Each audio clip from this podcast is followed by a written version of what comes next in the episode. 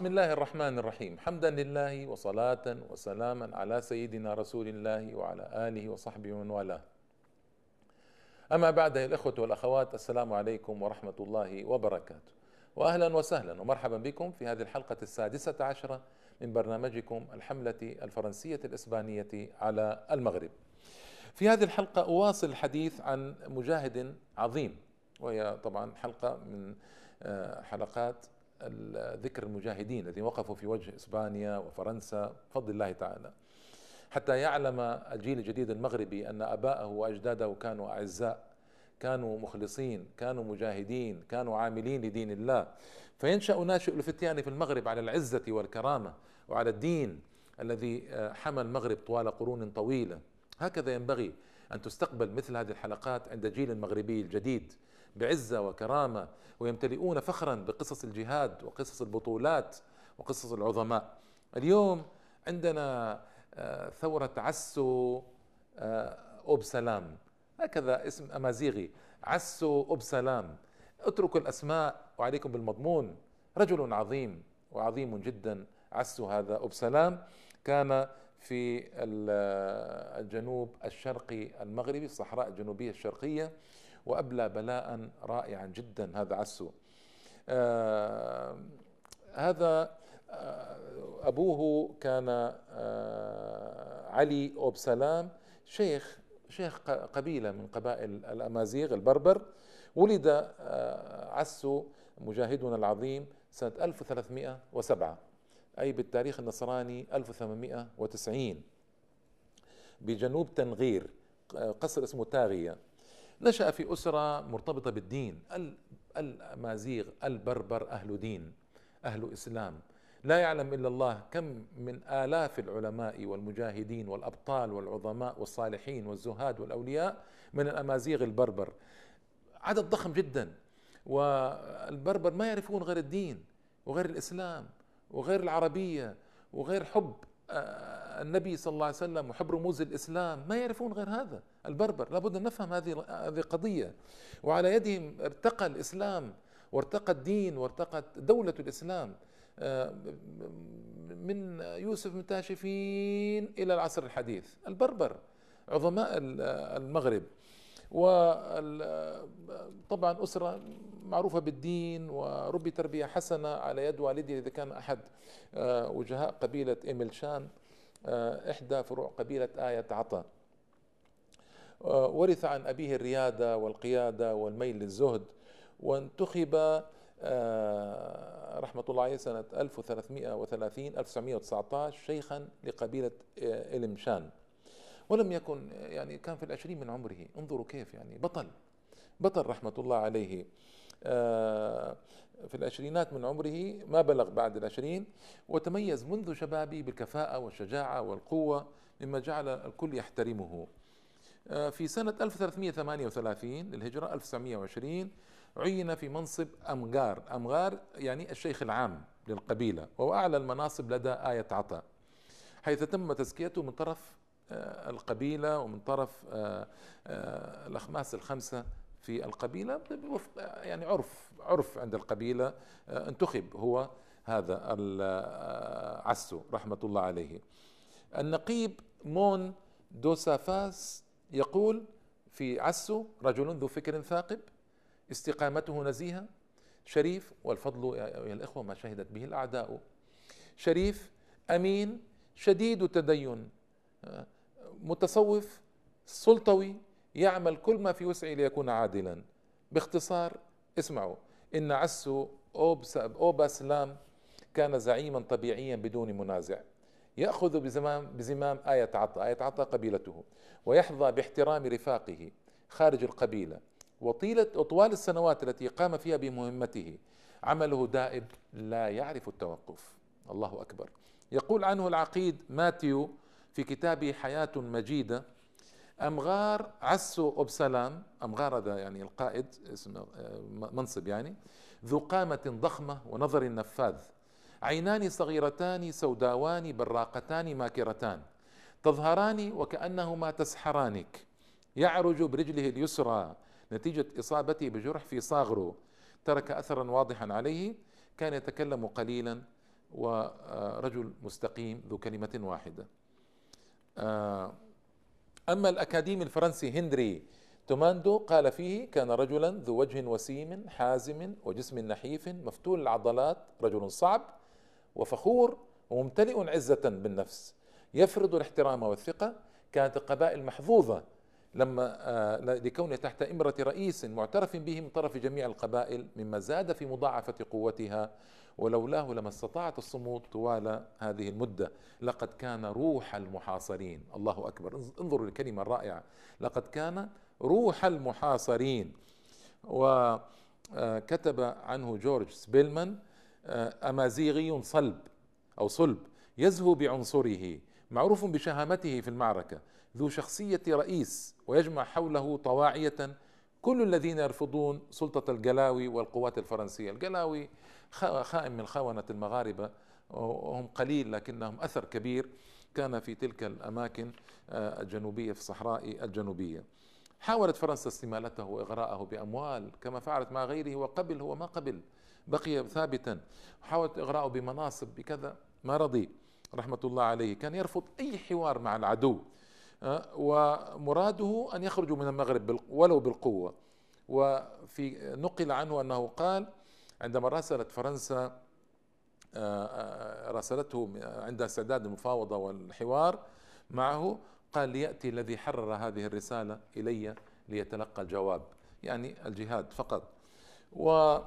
وظهرت أولى مهاراته في توحيد قبيلة آية عطا تحت رايته. وكانت القبائل صعبة وصعب تتوحد تحت إمرة رجل واحد لكن استطاع أن ينجح آه، في توحيد قبائل آية عطا وأيضا عقد التحالفات بين قبائل أطلس المجاورة ليكونوا يدا واحدة ضد الغزاة.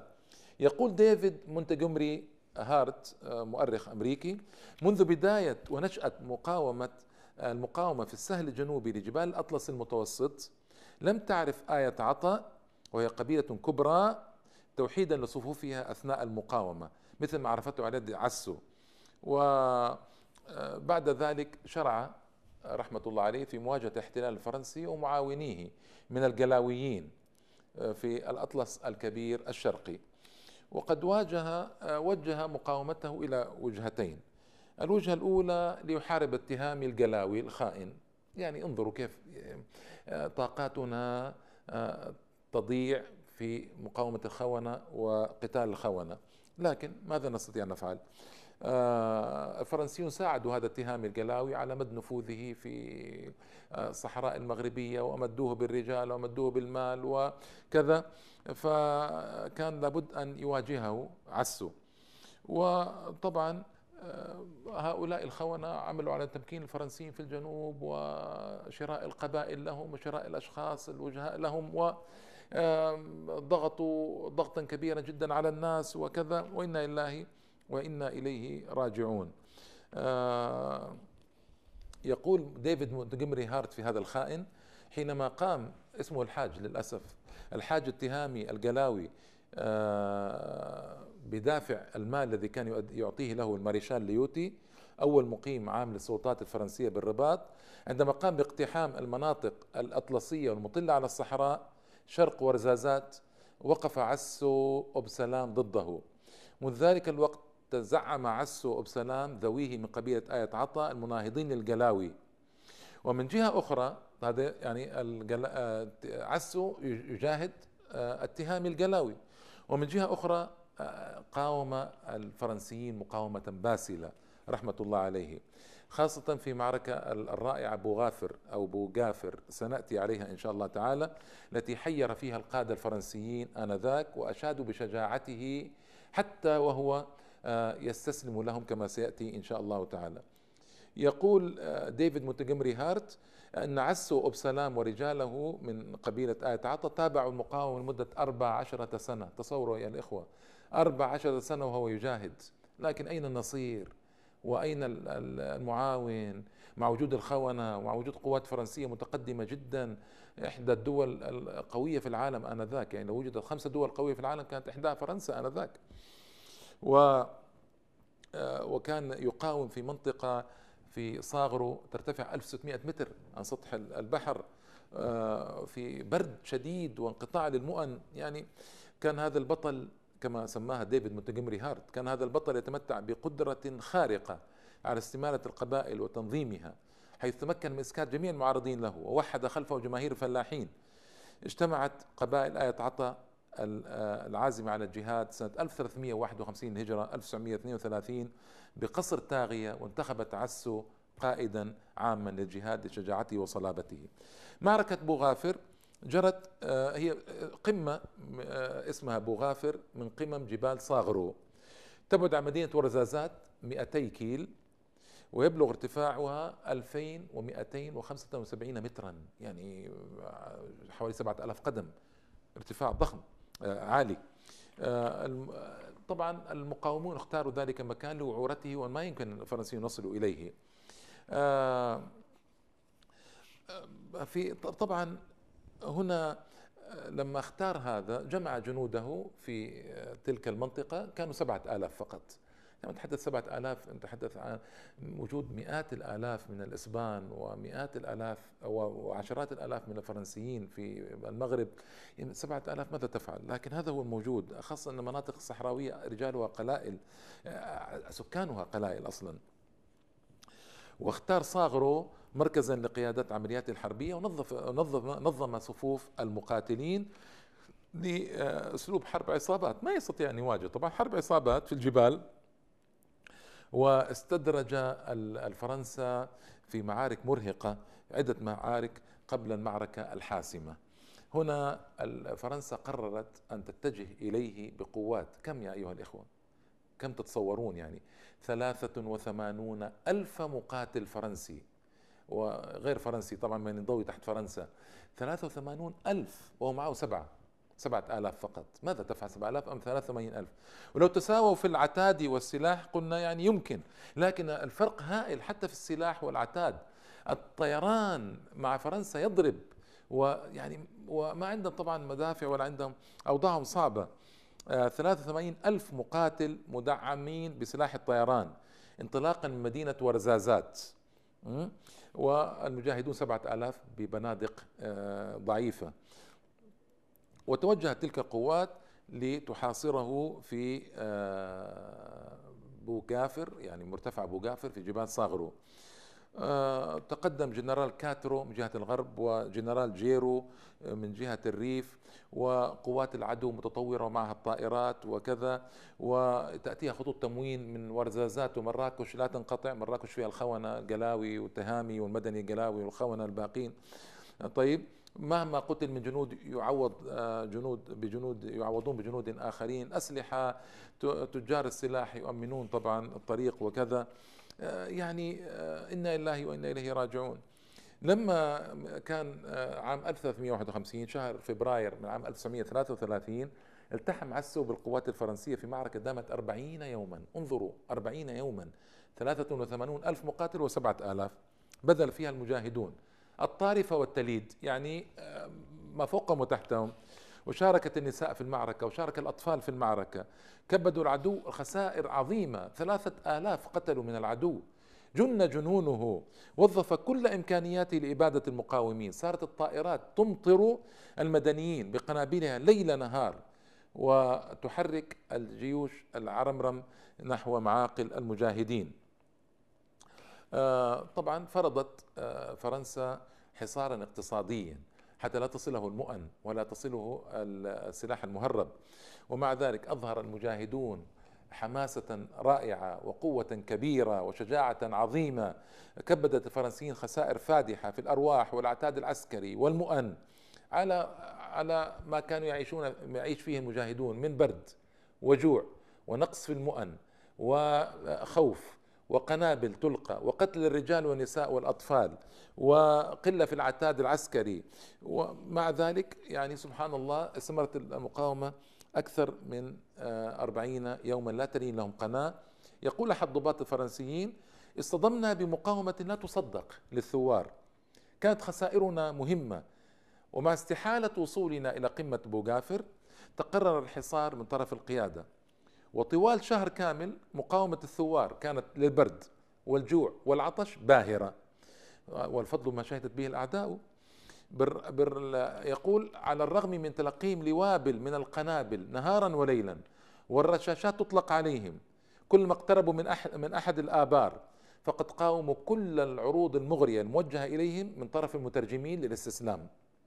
وفقدوا خلال ذلك الآلاف وقدر عدد المدنيين الذين استشهدوا جراء الحصار والقذف بأربعة آلاف ما بين شيخ وطفل وامرأة. وأما المقاتلون فبلغت بلغ قتلاهم 700 700 شهيد. سبحان الله. وفقد البطل عسو أخاه وزوجته واثنين من أبنائه. وطبعا لم يكن أمام عسو أمام هذا كله إلا أن يعلن استسلامه للعدو. كيف سيواجه أكثر من ثمانين ألف ثلاثة وثمانين ألف مقاتل فرنسي معهم الطائرات وحصار محكم وخونة في مراكش ورزازات يمدون فرنسا بالجنود ويمدونها بالطعام والشراب والسلاح. كيف يفعل هذا؟ ما يستطيع لا يكلف الله نفسا لا وسعها. لكن انظروا إلى البطولة العظيمة أربعين يوما وهو صابر محتسب. القنابل والطائرات والرشاشات والحصار والبرد والجوع برد على سبعة ألاف قدم برد. ومع ذلك انظروا كيف يفعل رحمة الله تعالى عليه. يعني وهو نازل من الجبل شرط شروطا. انظروا كيف العزة والكرامة ما استسلم بسهولة. شروطه آه، وهو نازل من الجبل حتى يعني قال جنرال هوري كانوا يظهرون وهم نازلون من الجبل هادئين وقورين غير محطمين على أنهم كانوا في أقصى حدود قو أقصى حدود قوتهم واعين. بأنهم صمدوا حتى النهاية وحافظوا على عاداتهم المشبعة بالحرية والشهامة. شهادة رائعة. شهادة رائعة. المسلمون دائما هكذا. لما طلبوا مفاوضته شرط أن يستسلم ليس لهم لكن المخزن المغربي. أن يستسلم للمسلمين يعني ولا يستسلم للصليبيين. إبعاد سلطة القلاوي الخائن المغربي عن آية عطا كلها القبيلة عن أراضيها كلها يبتعد عن آه، سلطته. إبقاء الأسلحة في أيدي السكان ولا يسلمونها؟ انظروا شروط صعبة على فرنسا. عدم تشغيل السكان في أعمال السخرة يعني ما يأخذون السكان غصبا عنهم ليشتغلوا في أعمال حفر ومد الطرقات وكذا. عدم استدعاء النساء للغناء في الحفلات الفرنسية الرسمية. كانت فرنسا تتعمد جلب النسوة المغربيات للغناء والرقص في حفلاتهم. مزيد من الإذلال والتطويع للأهالي. أن أن تضرب فرنسا صفحا على ما جرى ولا تطالب بشيء. آه، فرنسا طبعا شروط صعبة لكن كانت تريد أن تتخلص من المقاومة بأي سبيل بأي طريقة. فوافقت وقبلت كل شروطه وفت له بها ومع ذلك عسو آه، يعني ما كان ما كان ما كان ليستسلم ابدا لولا أن ما بقي معه إلا قليل وقليل جدا. وقتل أكثر جيشه وقتل أكثر المدنيين موجودين في الجبل. ولهذا طبعا يعني آه، فعل هذا رحمة الله تعالى عليه. يقول آه، ديفيد مونتجمري هارت أن عسو أبسلام ورجاله من أهل القبيلة تابعوا المقاومة لمدة أربع عشرة سنة وهي مقاومة عرفت نهايتها آه، عرفت نهايتها إبان معركة البطولية في بوغافر في ساحة تعج فيها الصخور البرية على ارتفاع 1600 متر في صاغرو الشرقي. ولطالما شهد له من عايشوه بالعظمة. هذا بوردو عضو الأكاديمية الفرنسية حين زار جبل صاغرو بعد مرور سنة على أحداث معركة بوغافر. قال لقد أرسلت عليهم القنابل ليل نهار من السماء ومن الأرض 42 يوما من من القنابل والحرمان والأرق والعطش. 42 يوما قضوها مع الحيوانات وقد جنت الحيوانات وأخذت تصرخ حتى ماتت. قضوها مع جثث المتعفنة. آه، فنقص ذلك نقص بذلك قدرتهم على تحمل ما قاسوه من المحن. تحملا يسمو بهم إلى أعالي الدرجات. اسمعوا هذا مؤرخ أمريكي يقول هذا الكلام. ليت أحد أولئك البربر الذين دافعوا دفاع الأبطال عن بوغافر كان شاعرا ليخلد مفاخر ذويه في هذه الجبال التي احتضنت الشهداء. ويخلد مراحل هذه الملحمة الفظيعة ويخلد مراحل هذه الملحمة الفظيعة التي كانت معجزة من المعجزات. لو وقف أحد الرواة في ساحة جامع الفناء بمراكش بين المغنيين والراقصين والرواة ينشد ملحمة جبل صاغرو البربرية لالتفت الناس حوله افواجا. الله أكبر. اسمعوا آه، جرمان عياش قرر بأن تاريخ مقاومة المغاربة للغزاة ليس يضاهيه تاريخ في العالم كله. سبحان الله هذا كلام رائع كلام قوي. خسائر المعركة طبعا المعركة يعني خسائر 4000 مدني قلنا أغلبهم أطفال وشيوخ ونساء 1300 شهيد 2500 رأس من الماشية. فقد عسو أبسلام أربعة من أفراد أسرته في معركة بوغافر أخوه إبراهيم زوجته استشهدت نتيجة إصابتها بحروق وهي تحمل الذخيرة للمقاومين حتى النسوة وسآتي إن شاء الله على حلقة خاصة بالنسوة المقاومات المجاهدات. ابنته عمرها ثلاثة عشر عاما أثناء جلبها الماء من العين قتلت. ابنه من زوجته الثالثة قتل. آه، و يعني ما بقي معه إلا القليل. آه، بلغ قتلى فرنسا ثلاثة آلاف وخمسمائة عسكري بينهم عشرة ضباط. ومئات من مجندي الأهالي للأسف أي الخونة المغاربة. آه، معركة بوغافر كانت يعني لصالح ما في ما هنالك شك أنها كانت لصالح الأمازيغ البربر. وبعد أن ترك الجهاد رحمة الله تعالى عليه كان شهما كيف آه، هجمت قوات الاحتلال عليه يوما وهو في بيته يبحثون عن مجاهد آخر اسمه زايد. اعتقادا منهم بأنه يأويه ويحميه. فإن يعني بقوات كبيرة آه، هاجموه هاجموا بيته.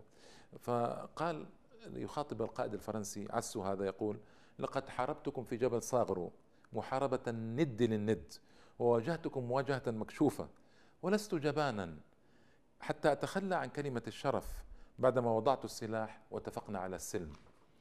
اندهش الضابط لرباطة جأش عسو ومع ذلك رفض الإذعان والاعتراف بخطئه وأصر على عسو حتى يدل الجيوش الجيوش الفرنسية على مخبأ زايد فرد عليه عسو إنكم تتوافرون على جيش من الوشاة والمخبرين وهم الآن معكم وباستطاعتهم إطلاعكم على مكان وجود زايد أما أنا فلن أخون مبادئي. الله أكبر. الله أكبر. الأيام الأخيرة طبعا في حياتي عين آه، قائدا رسميا قائدا رسميا آه، في سنة 1939 منذ أن رجع الملك محمد الخامس من منفى سنة 1376 الهجرة 1956 آه، عين قائدا واستقبل بطلا من أبطال الحركة الوطنية وظل بمنصبه إلى أن توفي سنة 1380 1960 تحت آه، تداعيات مرض السكري ودفن مقبرة أجداده في تاغية تاغية أملشان رحمة الله تعالى على هذا البطل العظيم عسو أبسلام وأين مثله اليوم؟ رحمة الله عليه ورفع درجته في عليين فقد عمل كل ما يستطيع وقدم كل ما يمكن. لكن الله قال لا يكلف نفسا إلا وسعها. لكنه أثبت بطولة وعظمة المجاهد المغربي المسلم العظيم الذي لا يرضى بالدون ولا بالذل ولا بالهوان. إلى اللقاء إن شاء الله تعالى في الحلقة القادمة. والسلام عليكم ورحمة الله وبركاته.